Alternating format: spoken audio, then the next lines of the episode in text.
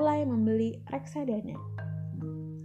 Ini lumayan banyak ditanyain teman-teman gua personal untuk tahu gimana sih cara awal mulanya beli reksadana tuh gimana dari awal. Sebenarnya membeli reksadana itu lumayan sangat mudah kalau misalnya kita mau belajar dari awal reksadana tuh apa, apa produk yang kita butuhin, kita udah tahu produk-produk yang sebenarnya kita mau tuh yang kayak gimana, kayak gitu. Nah, saran gua untuk kalian-kalian yang baru banget memulai ingin mencoba-coba reksadana, kalian tuh bisa beli reksadana pasar uang. Kenapa? Karena reksadana ini yang pertama dia harganya atau gennya nggak pernah turun. Jadi buat kalian yang mungkin um, konvensional atau masih takut yang duit kita turun lah atau segala macem menurut gue reksadana pasar uang itu sangat cocok. Terus kedua kenapa ambil reksadana pasar uang? Karena instrumen dari reksadana pasar uang ini obligasi dan deposito jangka pendek.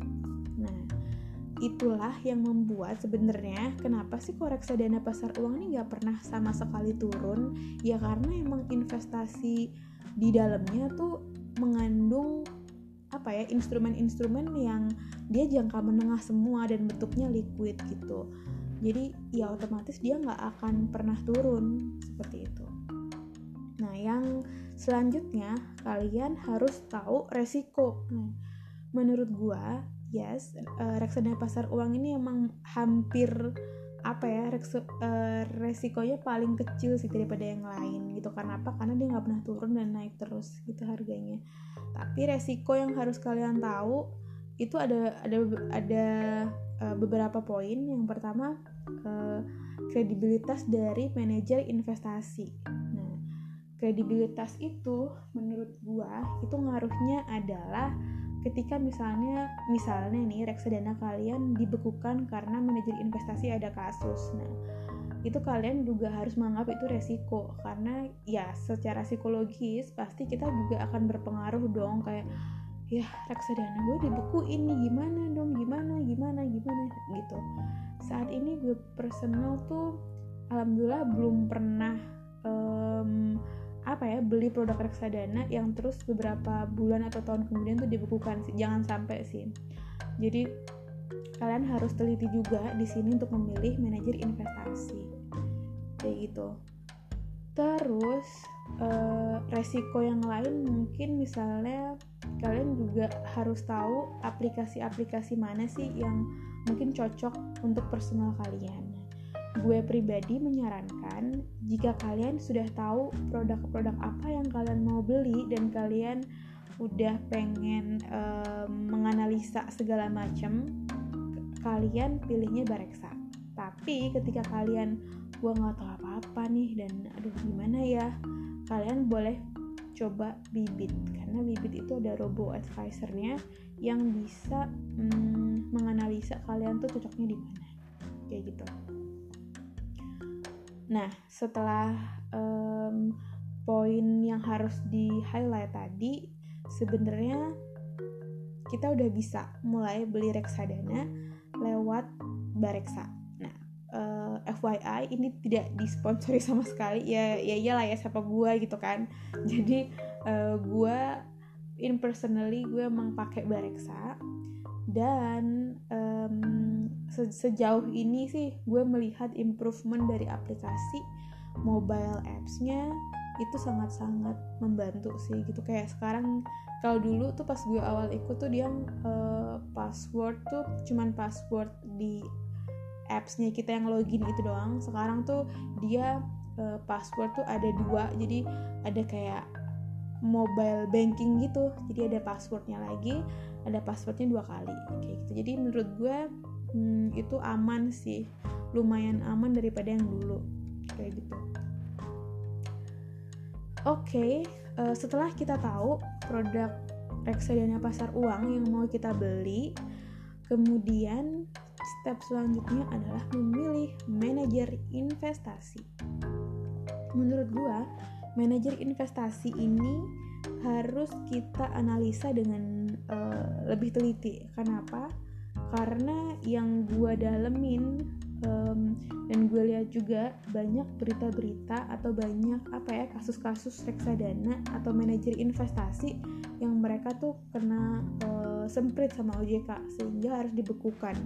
Nah, kalau dibekukan, pasti secara nggak langsung kan dampak psikisnya ke kita dong kayak wah ini kenapa nih? Gue udah naruh reksadana di situ lagi kenapa ya dibekukan? Gitu. Walaupun kita harus tahu bahwa ketika kita membeli produk reksadana dari manajer investasi A, B, C, D, E, F, G itu sama mereka akan ditaruh di bank kustodian. Artinya mereka sebenarnya nggak benar-benar pegang secara real duit kita. Jadi duit kita itu dikasih ke bank kustodiannya. Jadi makanya kenapa sih selalu ada info bank kustodian bank kustodiannya apa? Terus kalau misalnya kita udah ikut reksadana biasanya kita dikasih laporan tuh e, per bulannya. Ini bulan ini sama bank-bank kustodian yang terkait. Kayak gitu. Nah gimana cara gue melakukan uh, melakukan analisa manajer investasi yang pertama tuh biasanya gue bakalan shorting berdasarkan AUM atau dana kelolaan terbanyak. Di sini gue berasumsi bahwa semakin banyak dana kelolaannya itu akan um, kredibilitasnya bolehlah kita percaya. Kayak gitu. Biasanya setelah itu step yang kedua gue akan meng-highlight 5 atau 10 uh, eh, reksadana yang oke-oke nih. Maksudnya oke-oke nih maksudnya tertinggi lah aumnya. Setelah gue tahu biasanya gue akan buka masing-masing um, reksadananya dan gue akan melihat uh, background dari company manager investasi ini. Kayak gitu. Setelah gue melihat background dari manajer investasi ini biasanya uh, gue akan meng-highlight beberapa hal. Yang pertama dia didirikannya kapan? Karena semakin dia udah lama didirikan biasanya dia itu cukup kredibel kayak gitu. Terus kedua gue juga akan melihat kepemilikan dari uh, manajer investasi tersebut. Jadi gue pingin tahu ownernya siapa sih? Terus ownernya ini kira-kira bermasalah atau enggak? Apakah uh, dia pernah menang award winning atau mungkin dia pernah punya kasus atau mungkin dia pernah punya track record yang jelek sama OJK nah kalian juga harus searching itu. Terus ketiga menurut gue kita juga harus tahu kepemilikan dari produk reksadananya sendiri. Nah reksadana pasar uang ini kan kebanyakan di obligasi dan deposito jangka menengah. Jadi kalian harus tahu sebenarnya duit aku ini nanti ditaruh di mana aja sih kayak gitu. Biasanya kalian bisa melihat informasi ini semua di fun fact sheetnya guys. Jadi kalian bisa klik langsung di reksadana eh, di manajer investasinya, kemudian kalian bisa klik fun fact sheet di Bareksa biasanya gue lumayan sering banget ngelakuin itu gue download tuh fun fact sheetnya gimana terus apa namanya prospektusnya seperti apa kayak gitu. Karena itu tuh penting banget gitu jadi jangan sampai kalian tuh cuman asal-asal beli yang penting beli gitu. Menurut gue itu, sih jangan sih. Terus selanjutnya adalah gue akan melihat dari return yang dihasilkan oleh produk itu sendiri. Jadi uh, reksadana pasar uang kan dikelola nih sama manajer keuangan, eh manajer investasi. Gue akan lihat rating atau return dari dia mulai dari setahun, dua tahun, tiga tahun, lima tahun atau yang lebih wide lagi kayak gitu itu sebenarnya mempermudah kita untuk tahu track recordnya nih gimana kayak misalnya yang gue paling inget adalah hmm, uh, di Sukor Invest sama Mandiri nih misalnya. Nah di tiga tahun tiga tahun dia returnnya ada yang 15% ada yang 21% tapi di lima tahun dia ada yang returnnya 29% versus 41% nah otomatis kan uh, ini lumayan sangat amat berbeda kan. Yang satu 29% yang satu 41% tapi lagi-lagi ini tidak bisa kalian jadiin acuan kepastian bahwa oh berarti lima tahun lagi akan jadi 40% nih berarti 50% nah itu nggak bisa sih. Menurut gue ini paling bagus untuk kita e, menganalisis bahwa oh kenaikannya berarti masih wajar nih seperti itu. Ketika kita udah tahu dia returnnya udah lumayan gede kita mending langsung e, memilih produk investasi mana nih? Misalnya Mandiri Investa atau Sukor Invest. Kemudian kalian searching juga tentang kepemilikan uh, mandiri ini siapa misalnya Sukor Invest ini siapa. Kalian lebih trust yang mana? Artinya gini trust itu sebenarnya related sama background dari ownernya terus tim manajer investasinya ini gimana? Kayak gitu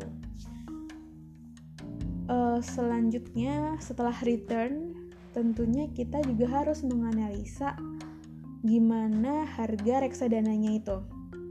Nah biasanya harga ini juga gue jadiin salah satu indikator gue akan beli atau enggak. Kenapa? Karena kan ya itu selisih banget dong. Kayak misalnya uh, di sini gue lihat nih per data sekarang di bahana dana liquid 1600 terus habis itu di Sukor Invest Money Market Fund harganya 1500 nah ini kan udah selisih banget nih selisihnya hampir 100 ya selisihnya seratusan lah. Menurut gua itu sangat-sangat ngaruh selisihnya ke jumlah banyak atau sedikitnya yang kita akan beli nantinya di reksadana ini. Jadi gue personally akan pilih yang harganya affordable ya sama kayak kita beli barang lah. Kita lihat dulu harganya mana sih yang paling affordable terus seberapa worth. Itu sebenarnya reksadana ini kalau kita beli kayak gitu. Terus setelah itu biasanya udah gue bakalan uh, langsung nge-lock aja reksadana mana yang gue beli. Sebenarnya simple banget kan guys. Kita tuh cuman butuh mulai aja dulu habis itu kita beli aja reksadana pertama kita nah gue sampai saat ini uh, sangat melakukan hal itu untuk semua produk reksadana yang gue beli untuk reksadana-reksadana lain seperti reksadana pendapatan tetap, reksadana saham, dan indeks, analisanya lebih deep lagi sebenarnya. Si pasar uang ini menurut gua pemanasan untuk kita menganalisa manajer-manajer investasi mana yang sebaiknya uh, kita pilih nanti-nantinya. Kenapa? Karena gini, uh, sebenarnya keunggulan produk reksadana ini terletak pada kita tuh nggak usah mikir lagi kan reksadana kita gimana uang kita gimana nanti dikelolanya karena kita udah trust sama manajer investasi nah that's why cara yang paling awal yang paling awam menurut gue adalah ya analisis dulu gimana sih track record manajer investasinya kayak gitu nah setelah kita udah trust dan kita udah punya value yang kita trust juga di manajer investasi menurut gue kita udah lumayan tenang untuk mempercayakan uang kita ke manajer investasi tersebut. Oke, okay, gitu aja ya untuk uh, analisa selanjutnya mungkin di podcast-podcast selanjutnya. See you. you